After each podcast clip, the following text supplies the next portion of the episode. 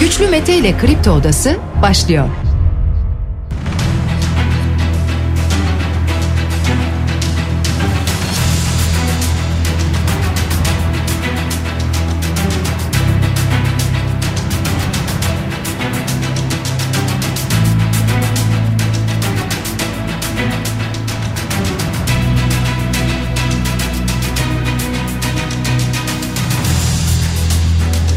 19 Ocak Perşembe sabahından Kafa Radyo'dan Kripto Odası'ndan tüm Türkiye'ye yurt dışında bizi dinleyen dinleyicilerimize günaydın. Hepinize sağlıklı ve güzel bir gün dileyerek her sabah olduğu gibi programımıza başlıyoruz. Bugün de Kripto Odası'nda saat 10'a dek sizlerle birlikte olacağız. Gündemdeki başlıkları değerlendireceğiz. Sizler de görüşlerinizle fikirlerinizle programa katılmak isterseniz Twitter üzerinden güçlü mete yazarak bana ulaşabilirsiniz. WhatsApp hattımızın numarası 0532 172 52 32. Cumhurbaşkanı Erdoğan seçim tarihi olarak 14 Mayıs'ı işaret etti ve muhalefetten de 14 Mayıs'a ilişkin gelen açıklamalar var sevgili dinleyiciler. Aynı zamanda anayasadaki yapılacak olan değişiklik düzenleme başörtüsü düzenlemesi diyelim bu düzenleme bugün mecliste komisyona geliyor buna ilişkin gelen açıklamalar da var. Kemal Kılıçdaroğlu doğalgaz fiyatlarını düşürmek için ne bekliyorsunuz diye sordu. Birazdan detaylarına yer vereceğiz. Çalışma ve Sosyal Güvenlik Bakanı Vedat Bilgin EYT için Türkiye Büyük Millet Meclisi'ni işaret etti. Hatta şöyle söyleyelim bir kez daha meclisi işaret etti. Çünkü kendileri çalışmalarını tamamladıklarını ifade etmişlerdi. Amerika Birleşik Devletleri Yunanistan'daki üslerini genişletecek diye bir haber var ki Türkiye muhtemelen bununla ilgili rahatsızlığını dile getiriyordur, getirmiştir. Çünkü Dışişleri Bakanı Mevlüt Çavuşoğlu Amerikalı mevkidaşı Blinken'la Washington'da görüştü, bir araya geldi ki buradan da F-16 satışına ilişkin önemli açıklamalar var. Hem Türkiye tarafından, Çavuşoğlu tarafından hem de Amerika'dan gelen açıklamalar oldu. Bunlara da önümüzdeki dakikalarda yer vereceğiz. Irak'tan gelen bir açıklama var. Irak Cumhurbaşkanı bir açıklama yaptı. Sınır ihlalleri sürdükçe Türkiye ile normalleşme süreci içerisine giremeyiz dedi. Irak'tan gelen açıklama böyleydi. Rusya'dan da bir açıklama geldi. Suriye'deki yükümlülüklerimizi tamamen yerine getiremedik. Türkiye ile anlaşmadaki yükümlülüklerimizi yerine getiremedik diye itiraf niteliğinde bir açıklama geldi Rusya'dan. Ukrayna'da yerleşim alanına bir helikopter düştü. İçişleri Bakanı dahil hatta İçişleri Bakan Yardımcısı ve Müsteşar da dahil 14 kişi hayatını paylaştı. Bu da Ukrayna'dan gelen bir başka haberdi sevgili dinleyiciler. Finlandiya Dışişleri Bakanı Türkiye'nin endişelerini gidermeyi umuyoruz diyor. Finlandiya'dan böyle bir mesaj var. Kamu kurumlarına 30 bin TOG alınacakmış. Böyle bir bilgi ve iddia var buna da bakacağız. Sinan Ateş cinayeti soruşturmasında tetikçiyi Ankara dışına çıkardığı iddia edilen Tolga Han Demirbaş adli kontrol şartıyla serbest bırakılmış. Bu da bir başka haber. Bedelli askerlik yerleri ve sevk tarihleri açıklandı sevgili dinleyiciler. Dünün önemli gelişmelerinden bir tanesiydi. Bedelli askerlik yapacak olanlar için. İstanbul'da bazı yollar bugün trafiğe kapatılacak.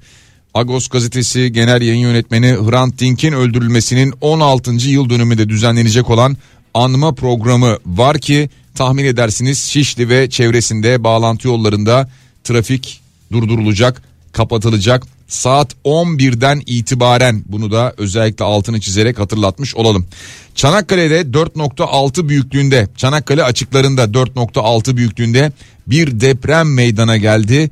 Çanakkale'de, Ayvacık'ta ve Ege'de deprem çevre illerden de hissedildi.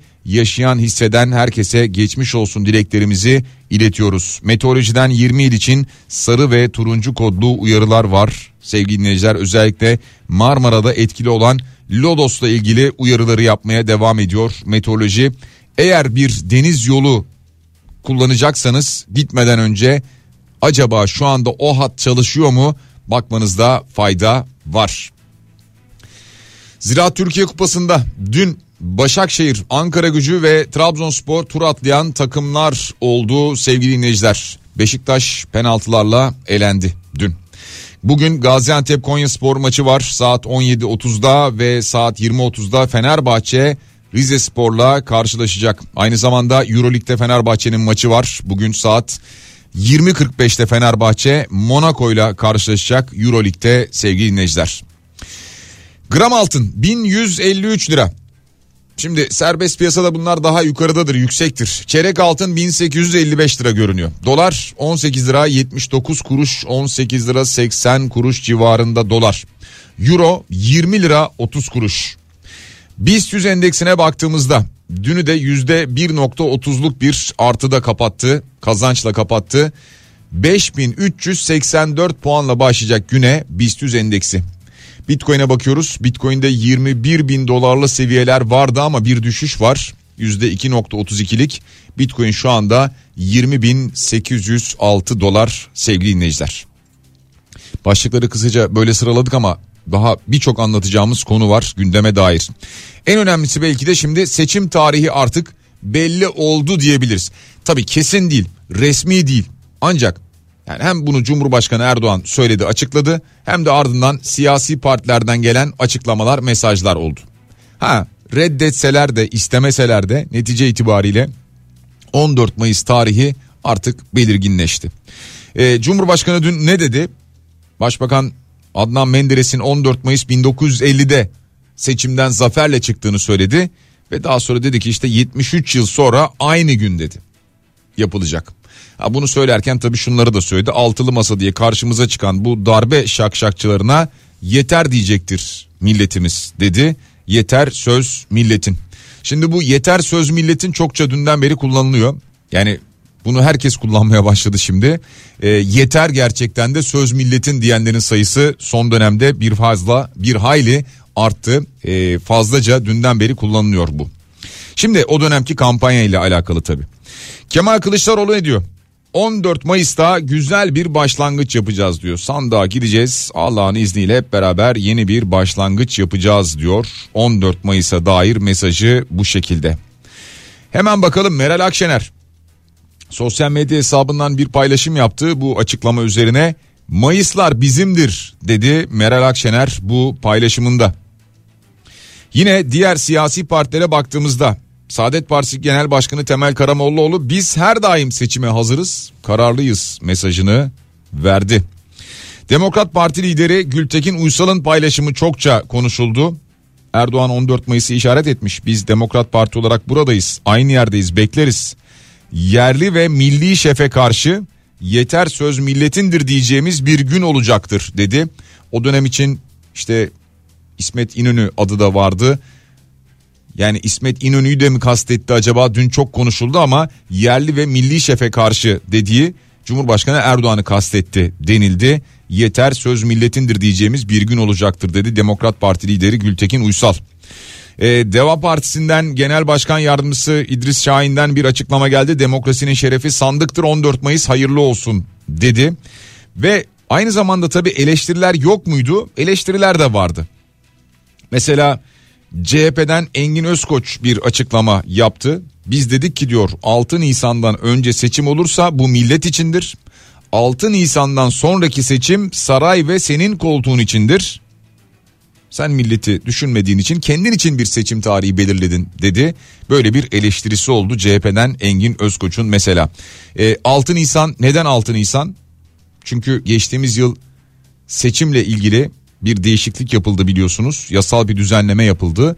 O düzenleme tarihi 6 Nisan'dı ve bunun üzerinden bir sene geçmesi gerekiyordu seçimin yapılabilmesi için ve bunun uygulamada olabilmesi için.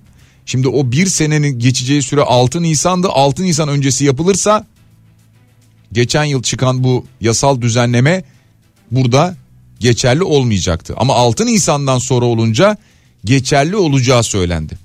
Şimdi söylendi diyorum neden? Bu noktada dün de bahsettim. Türkiye İşçi Partisi milletvekillerinden Serap Kadıgil'in açıklamaları oluyor. Ee, yine benzer şeyi söyledi. Yine benzer durumdan bahsetti.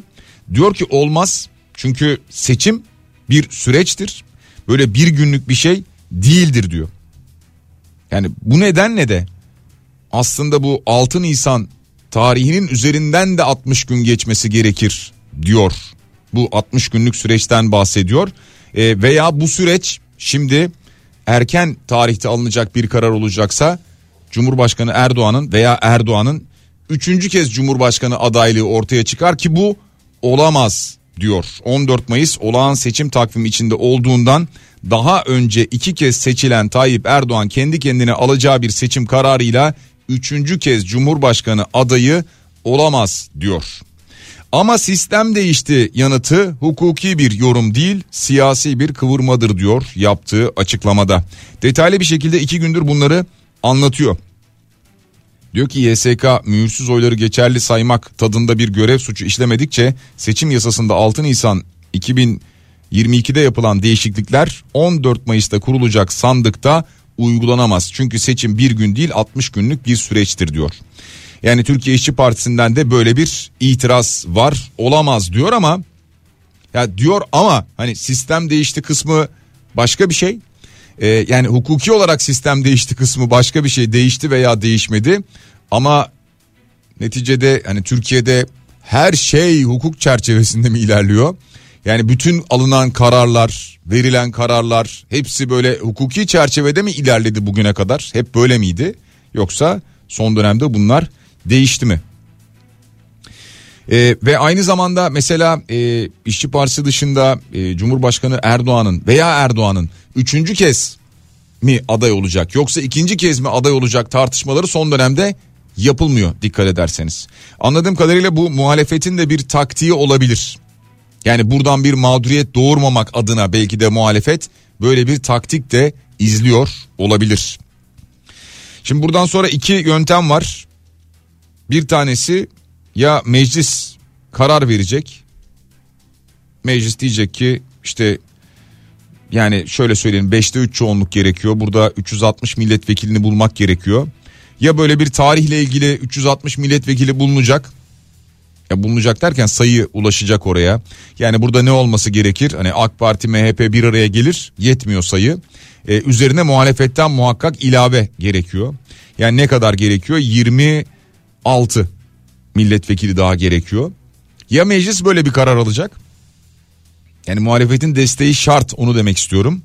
Ya da Cumhurbaşkanı Erdoğan anayasanın 116. maddesine göre seçimlerin yenilenmesine yönelik bir karar verecek, meclisi feshedecek ve 60 günlük bir süreç başlayacak. Şimdi 14 Mayıs'ta yani ikisinden biri olacak. 14 Mayıs'ta da bu şekilde seçime gidilebilecek. İlk turda eğer adaylardan biri yüzde 50 artı bir oyu alabilirse Cumhurbaşkanı seçilecek. Eğer alamazsa o zaman iki hafta sonra ikinci turun yapılması gerekecek ki ikinci tur dolayısıyla 28 Mayıs tarihinde o zaman yapılacak. Şimdi bu tarihleri özellikle e, altını çizerek veriyorum ki e, herkes planını programını yapar diyorduk ya. Bir haftadır ben de yayında anlatıyordum dün de söyledim. Ya bir tarih söylensin. İnsanlar plan program yapıyor. Tatile giden de olabilir. O dönemde iznini kullanacak olan da olabilir. İşi gereği seyahat edecek olan olabilir. Başka bir şehre gider. Başka bir ülkeye gider. Öğrenciler var sınav dönemleri var.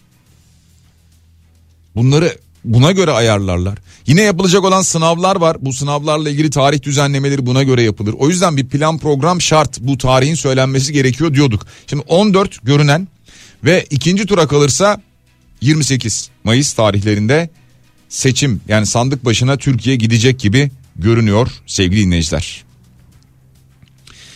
Ee, Erkan Baş'tan da tip genel başkanından da bir açıklama var. O da benzer şeyi söylüyor. Tabii ki Serhat Adıgil'le Tayyip Erdoğan aday olabilmesinin tek koşulu Türkiye Büyük Millet Meclisi'nin seçim kararı almasıdır diyor.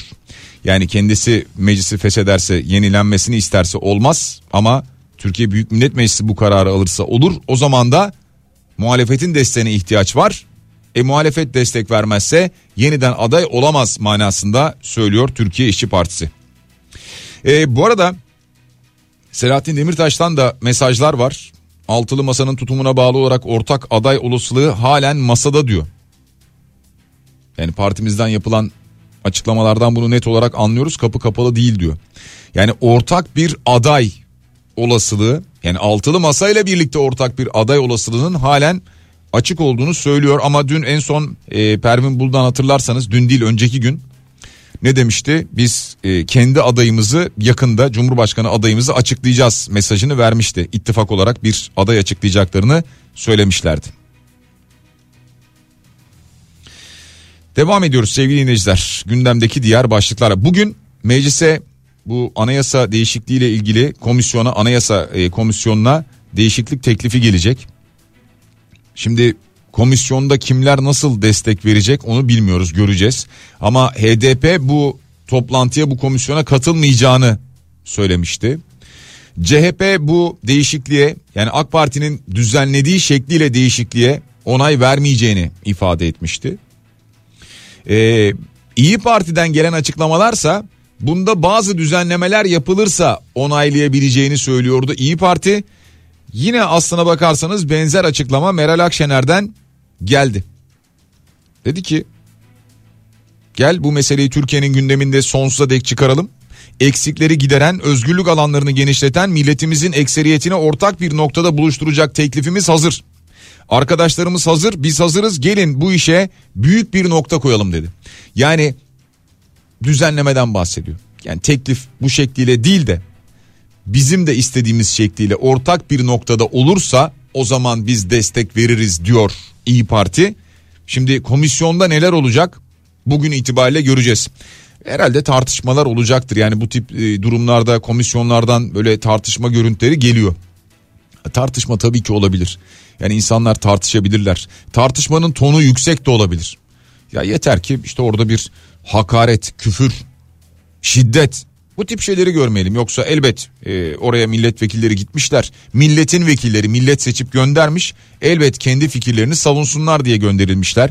Elbet bu yüzden yapıyorlar bu görevi. Aldıkları oyun yükü yükümlülüğü olmalı üzerlerinde. Elbet tartışma olur ama hani bunun istenmedik şekilde kavgaya şiddete dönüşmesini tabii ki kimse istemez. Dediğim gibi HDP bu toplantıya katılmayacağını ifade etti. Peki EYT'liler yani siz biz ne durumdayız ne olacak ne zaman alınacak bu para e, bu sistem ne zaman hayata geçecek? Veya aynı zamanda e, staj dönemi ne olacak? E, maaşlar nasıl hesaplanacak? Şimdi herkes bunun peşinde. Bir defa e, staj mağdurları oluştu. Onlar diyorlar ki bizim de bu sürecimiz katılsın hesaplansın. Bakan daha önce dedi ki olmaz staj ayrı bir konu. Staj eğitimle ilgili eğitim alanına girer e, çalışma hayatı ile ilgili değildir demişti. Şimdi burada bir e, anlaşmazlık bir tartışma var bir yandan bu devam ediyor. Bir yandan şimdi EYT'lilerle ilgili emeklilikte yaşa takılanlarla ilgili e, Cumhurbaşkanı Erdoğan'ın açıklamalarından sonra netleşen bazı başlıklar var bir de netleşmeyenler var. Yani işte mesela maaş hesaplaması nasıl yapılacak? Evet çeşitli hesaplamalar yapıyorlar. Ekonomi uzmanları bunları biliyorlar. Ee, özellikle çalışma hayatı ile ilgili uzman olanlar bunları biliyorlar. Bu hesaplamaları yapıyorlar. Ama tam anlamıyla böyle mi olacak? Böyle mi yapılacak? Ee, bu ne zaman yasalaşacak? Ne zaman yürürlüğe girecek? Yürürlüğe girdiği tarihten itibaren mi uygulanmaya başlanacak? Bunlar bilinmiyor. Ya dün de söyledim, geçen hafta da söyledim. Bir kez daha söylüyorum. Ya şu anda meclis veya meclis evet meclis tabii ki muhakkak meclis ama şu anda AK Parti MHP ile beraber bir şey isteyecek ve geçmeyecek öyle mi? Hele ki şimdi EYT. Yani mesela AK Parti MHP bunu meclise getirdiğinde e, buna işte CHP, İyi Parti, HDP falan itiraz mı edecek? Hayır biz EYT istemiyoruz mu diyecek. En fazla birkaç düzenleme daha isteyeceklerdir yanında. Bu. Ve bu geçemiyor. Meclise gelemiyor ya. Bırakın geçemediğini. Efendim işte e, komisyona geldi işte komisyon görüşecek. E, komisyon görüştükten sonra e, meclise gelecek falan. Bu bir süreçtir. Ya bugüne kadar o süreçleri bazı konularla ilgili bazı düzenlemelerle ilgili o kadar hızlı geçtiniz ki. Torba yasalar bir gecede onaylandı geçti. Bu mu onaylanamıyor yani? Çok inandırıcı geliyor mu size? Ha bir açıklama vardı AK Parti'den biliyorsunuz dün bunu paylaştık. Mart ayında ilk maaşlarını alır EYT'liler denildi. Neden? Ya neden Ocak ayında alamıyorlar, ocağın sonunda alamıyorlar. Meclise neden gelmiyor? Neden görüşülmüyor? Efendim meclisin bir e, olağan bir işleyişi var, süreci var o nedenle falan deniyor. O olağan süreç bazı durumlarda olağan süreç olmuyor da hızlandırılmış süreç oluyor. EYT'de böyle oluyor? Şimdi burada e, tabii iki şey var. Bir tanesi yani ne kadar geç o kadar iyi mantığı. Yani Ocak'ta para ödemeyeceğiz bu kadar. Şubat'ta bu kadar ödenmeyecek mantığı var. Birincisi bu. İkincisi seçim yaklaşırken bu maaşları vermeye başlayalım da yani insanların cebinde paraları olsun tam seçim yaklaşırken e, unutmasınlar bizi e, bu parayı e, ceplerinde para sıcakken sandığa gidilsin mantığı mı var? Hayır bu böyle bir mantık yok diyor AK Parti'den genel açıklama genel ve gelen açıklama öyle söyleyelim. Ama Bakan Vedat Bilgin diyor ki artık bu durum meclisin iradesinde diyor. Bizim gruptaki arkadaşlarımız milletvekillerimiz konuyu tartışıyorlar inceliyorlar onlar değerlendirip komisyona gönderecekler diyor. Ya daha neyi değerlendirecekler? Şimdi Çalışma ve Sosyal Güvenlik Bakanlığı çalışmasını yapmış tamamlamış. Daha önce de söyledi. Yine bakın diyor ki meclisin iradesinde bizden top çıktı diyor. Yani Çalışma ve Sosyal Güvenlik Bakanlığı işi bitirmiş. Ee, Cumhurbaşkanı Erdoğan tüm detaylarıyla neredeyse tüm detaylarıyla açıklamasını yapmış. Yine Çalışma ve Sosyal Güvenlik Bakanı Vedat Bilgin daha önce dedi ki e-devlet üzerinden o kadar rahat işleyecek bir sistem olacak ki tüm hazırlıklarımız tamam dedi. Bir sorun yok diyor. Sorun ne?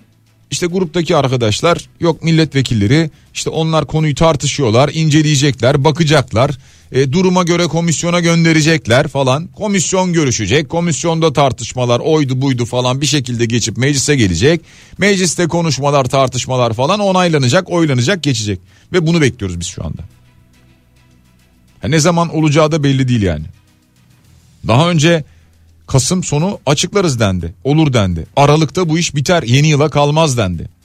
Evet Aralık sonunda bir açıklama geldi ama ocağın ilk haftası meclise gelir dendi. Sonra dendi ki ocağın ilk haftası gelmez ikinci haftası meclise gelir dendi.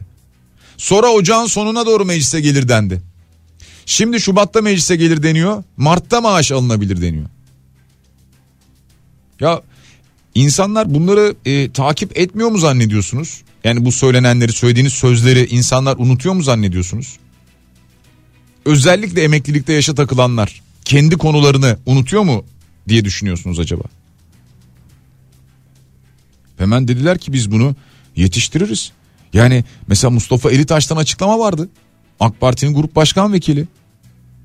EYT bize geldikten sonra mecliste 10 günlük bir çalışma süresi gerekir. Yetiştiririz diyordu.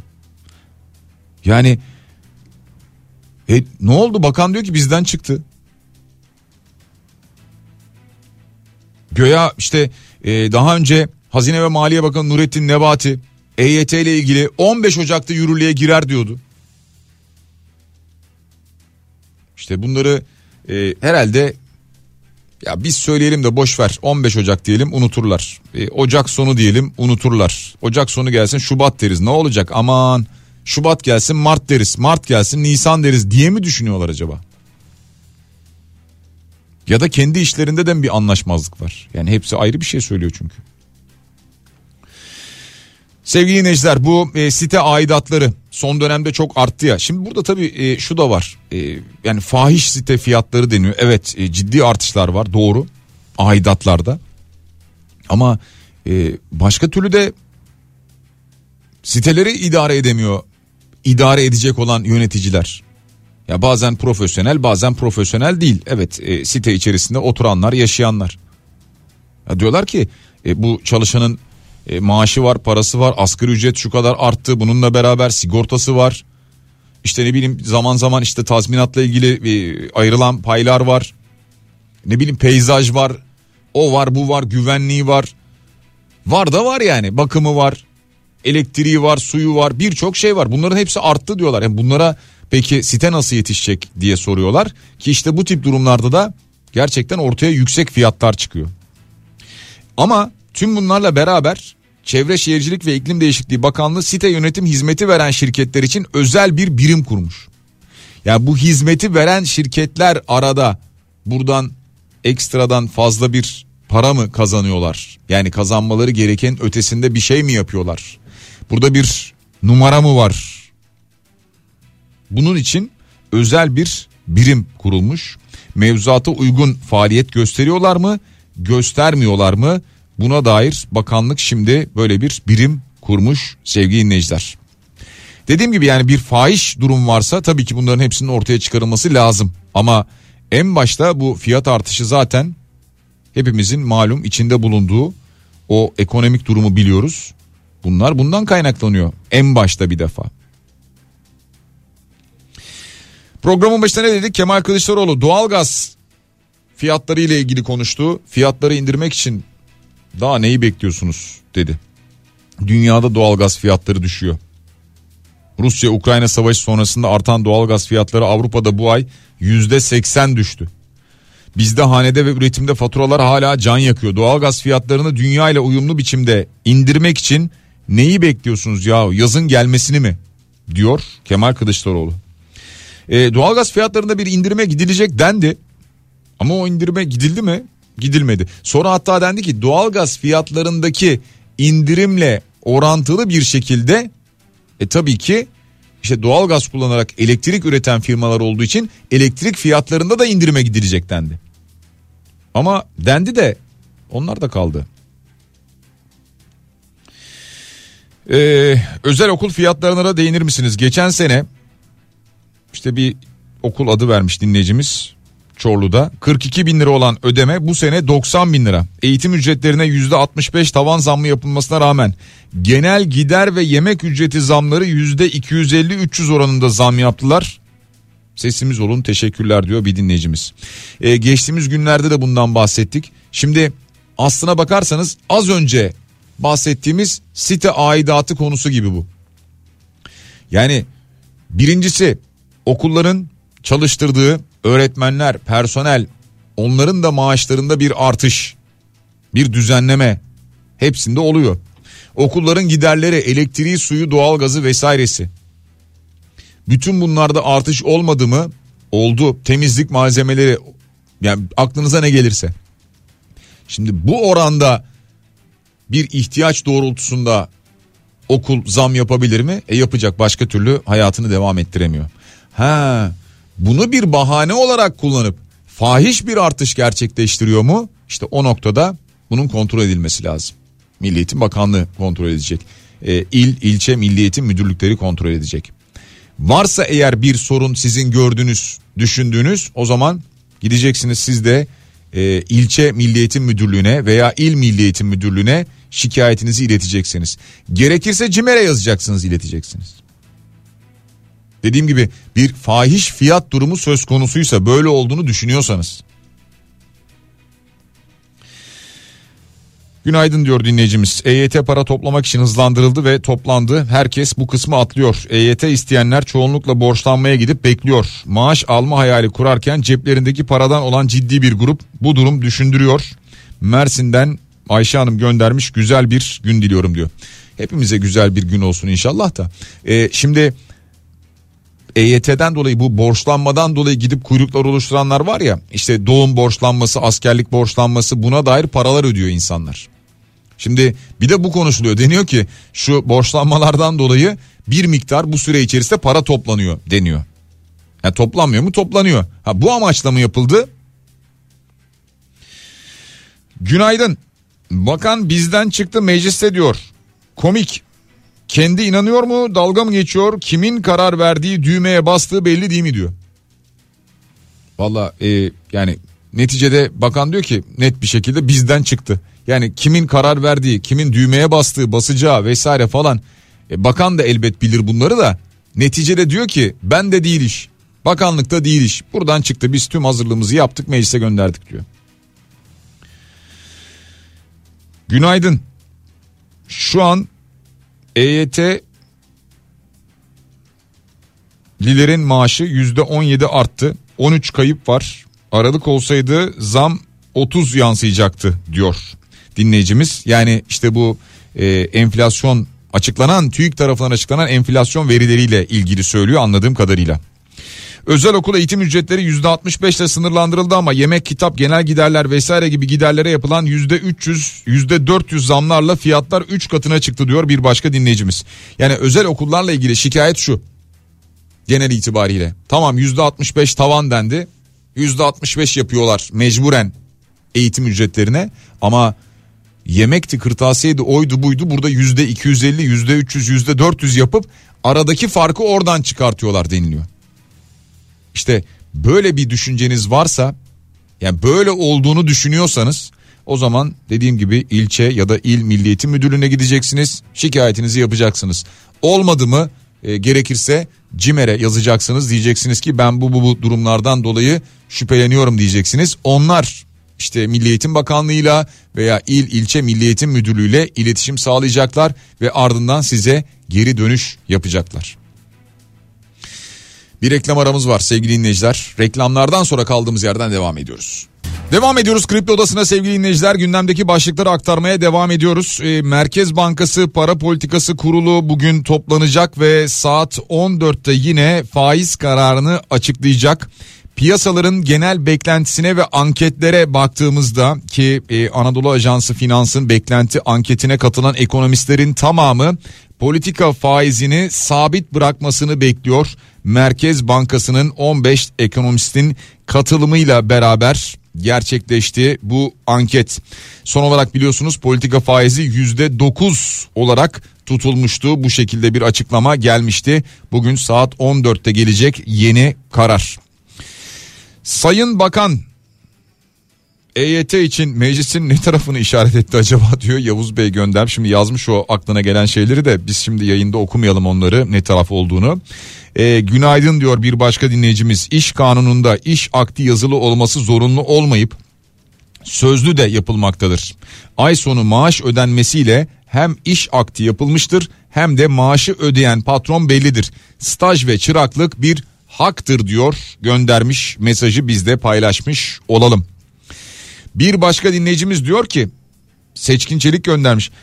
Hayat eve sağır uygulamasına dün rastgele bakarken hatırlatma dozları tanımlanmış. Unutanlar ve yaptırmak isteyenler bakabilirler diyor ki ben de HES'i uzun süredir kullanmıyordum gerçekten. Ee, siz de muhtemelen açmıyorsunuz HES'i. Zaten yeni bir böyle işte kabul koşul şartı falan da gelmiş de onları da onayladım.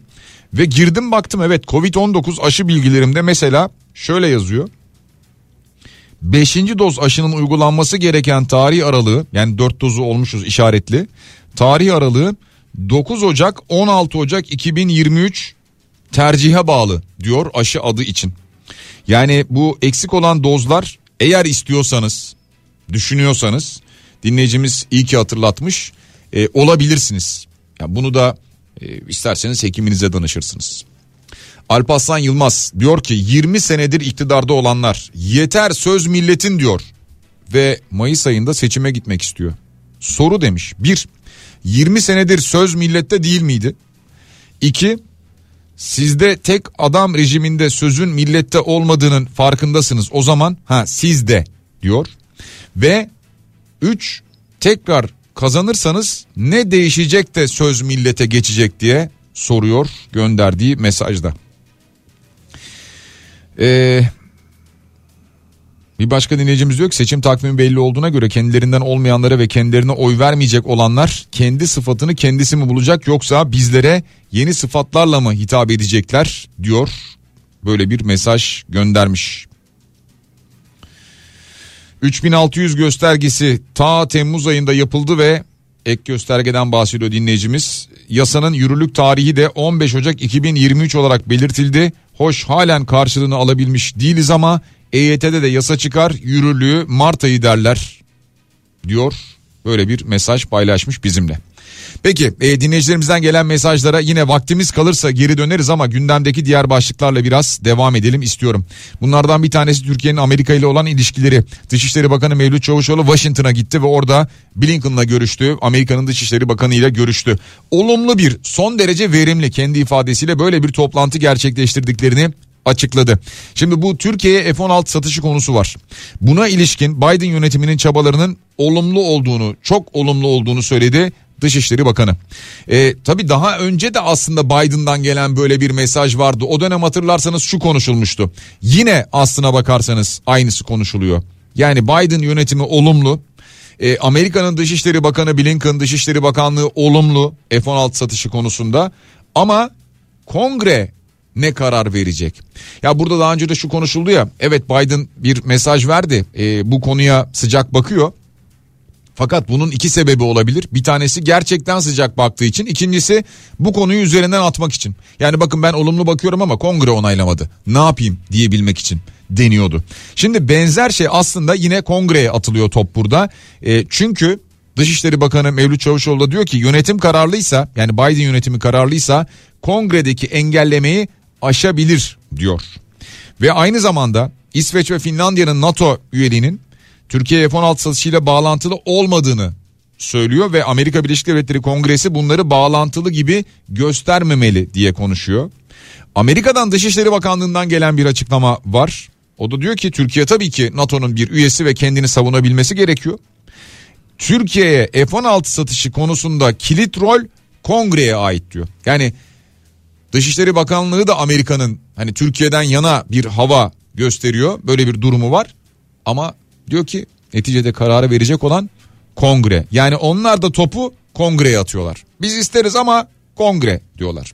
Amerika'dan bahsetmişken bakın Yunanistan'daki üsleri genişleteceğine dair haberler çıktı Yunanistan'da.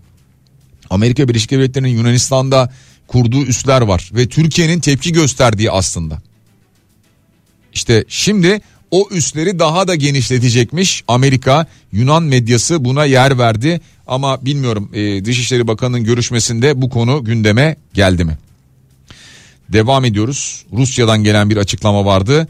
Rusya'nın Dışişleri Bakanı Lavrov yaptı bu açıklamayı. Suriye'nin e, daha doğrusu Rusya'nın bu Suriye konusunda Türkiye ile yaptıkları anlaşmalarda yer alan yükümlülüklere tam olarak henüz uyamadıklarını söyledi. Yani Türkiye karşısında biraz mahcubiyetimiz var manasına gelen bir açıklamaydı. Böyle bir dille olmasa da böyle bir e, açıklama geldi. Şimdi bir yandan e, televizyona bakıyorum da kayak merkezlerinde tatil hazırlığı diye e, şimdi birçok kayak merkezi açılmamış ve bu palan dökene yaradı deniyor. Ve bu arada suni kar yağdırıyorlar pistlere. İşte bu mevsim durumları var ya sevgili dinleyiciler yani bir yandan bunları da tabii düşünüyoruz. Yani sanki böyle e, havaların ılık geçmesi falan işte doğalgazı daha az yakmamız daha e, kalın kalın giymeden dışarı çıkmamız ya ne güzel bak Ocak ayında böyle bir hava yaşıyoruz diye düşünmemiz bazen iyi gibi geliyor ama aslında hiç de iyi değil. Yani kuraklığın net bir işareti yani gelecek yıllara dair de kötü bir işaret. Bu sene için de öyle. Ya tarım için de çok önemli. Yağış, toprak için çok önemli. Şimdi hadi kayak tatili diyeceksiniz ki kayak tatili yapmadın diyelim. E, ne olacak yani? Tamam doğru da işte orada da mesela bir turizm var. E, ciddi manada oradan hayatını kazanan insanlar var, çalışanlar var. Şimdi bakıyoruz e, ağırlıklı olarak işte Palandöken'e gidiyorlarmış. Yarı yıl tatili geliyor ya. E, bu cuma itibariyle tatile çıkacak ya öğrenciler. Aileler de bir yerlere gidecekler. Şimdi işte kış tatili istiyorlar ama kar yok. İşte yapay şu anda karlandırma çalışmaları yapılıyor. Şu anda bu durumdayız. O yapay kardan da kayakçılar çok memnun olmuyorlarmış. Ee, ben bilmiyorum ama biraz daha çabuk e, buzlanabiliyor, daha sertleşebiliyor diyorlar. E, neyse geçelim bir diğer konuya. Irak Cumhurbaşkanı'nın bir açıklaması var. Türkiye ile ilgili sınır ihlalleri sürdükçe Türkiye ile normal bir ilişkimiz olamaz diyor. Yani Türk Silahlı Kuvvetleri'nin operasyonlarına, sınır ötesi operasyonlarına Irak Cumhurbaşkanı tepki gösteriyor. E, Suriye tepki gösteriyordu. Şimdi Irak da benzer bir tepkiyi gösteriyor. Herhalde Irak'a da bir cevap gider öyle tahmin ediyoruz. Devam ediyoruz sevgili dinleyiciler. Yavaş yavaş programın sonuna yaklaşıyoruz. Sinan Ateş cinayetiyle ilgili tetikçiyi Ankara dışına çıkardığı iddia edilen Tolgahan Demirbaş adli kontrol şartıyla serbest bırakıldı. Burada biliyorsunuz yeni bir savcı atandı. Ee, bu soruşturmayla ilgili hatırlayacak olursanız. Ve e, adli kontrolle serbest bırakılan bir kişinin bir MHP Genel Başkan Yardımcısının özel kalem müdürü olduğu bilgisi de geldi. Yani şimdi burada gerçekten çok Ee, işte daha önce e, emniyetten birisi olduğu söylendi bu işin içerisinde. Gerçekten burada karışık bir ilişkiler ağı var. Ya bunun A'dan Z'ye aydınlatılması lazım. Kamu vicdanında doğru bir yere oturabilmesi için. Sevgili dinleyiciler biz yavaş yavaş programın sonuna geliyoruz demiştim ki geldik. Ee, programın sonunda bugün size bir şarkıyla veda edeceğiz. Ee, bizim Sarı Tramvay'da çok sıklıkla çaldığımız aslında her yaş grubunun da bence çok iyi bildiği bir ses ve şarkı. Böyle bir şarkıyla veda edeceğiz. Şenay Yüzbaşıoğlu. Ee, 19 Ocak tarihinde doğmuştu 1947'de yani doğduğu gündeyiz şu anda. Tabii 4 Ocak 2013'te de hayata gözlerini yummuştu. Şenay'la veda ediyoruz size. Bütün dünya buna inansa, hayat bayram olsa. Biraz sonra Bediye Ceylan güzelce güzel şeyler programında sizlerle beraber olacak. Cenkere Teknik Masa'da teşekkür ediyoruz. Yarın sabah aynı saat diliminde yeniden beraberiz. Şimdilik hoşçakalın. Şu dünyadaki en mutlu kişi mutluluk verendir.